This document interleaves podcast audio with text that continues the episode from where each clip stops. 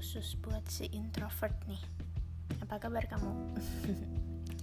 Apakah sudah berhasil membuat citra diri agar terlihat asik dan easy going ketika ketemu sama orang-orang baru?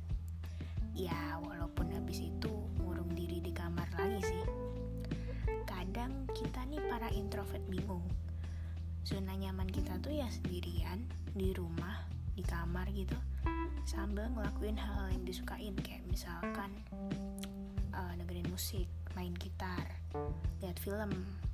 Pokoknya sebisa mungkin menjauh dari kerumunan gitu. Tetapi kadang keadaan dan situasi yang ada tidak mendukung kita untuk melakukan hal itu. Apalagi zaman sekarang kan, kalau kita cuma diem di kamar, ini secara nggak sadar keluar-keluar dari kamar berasa habis keluar dari goa.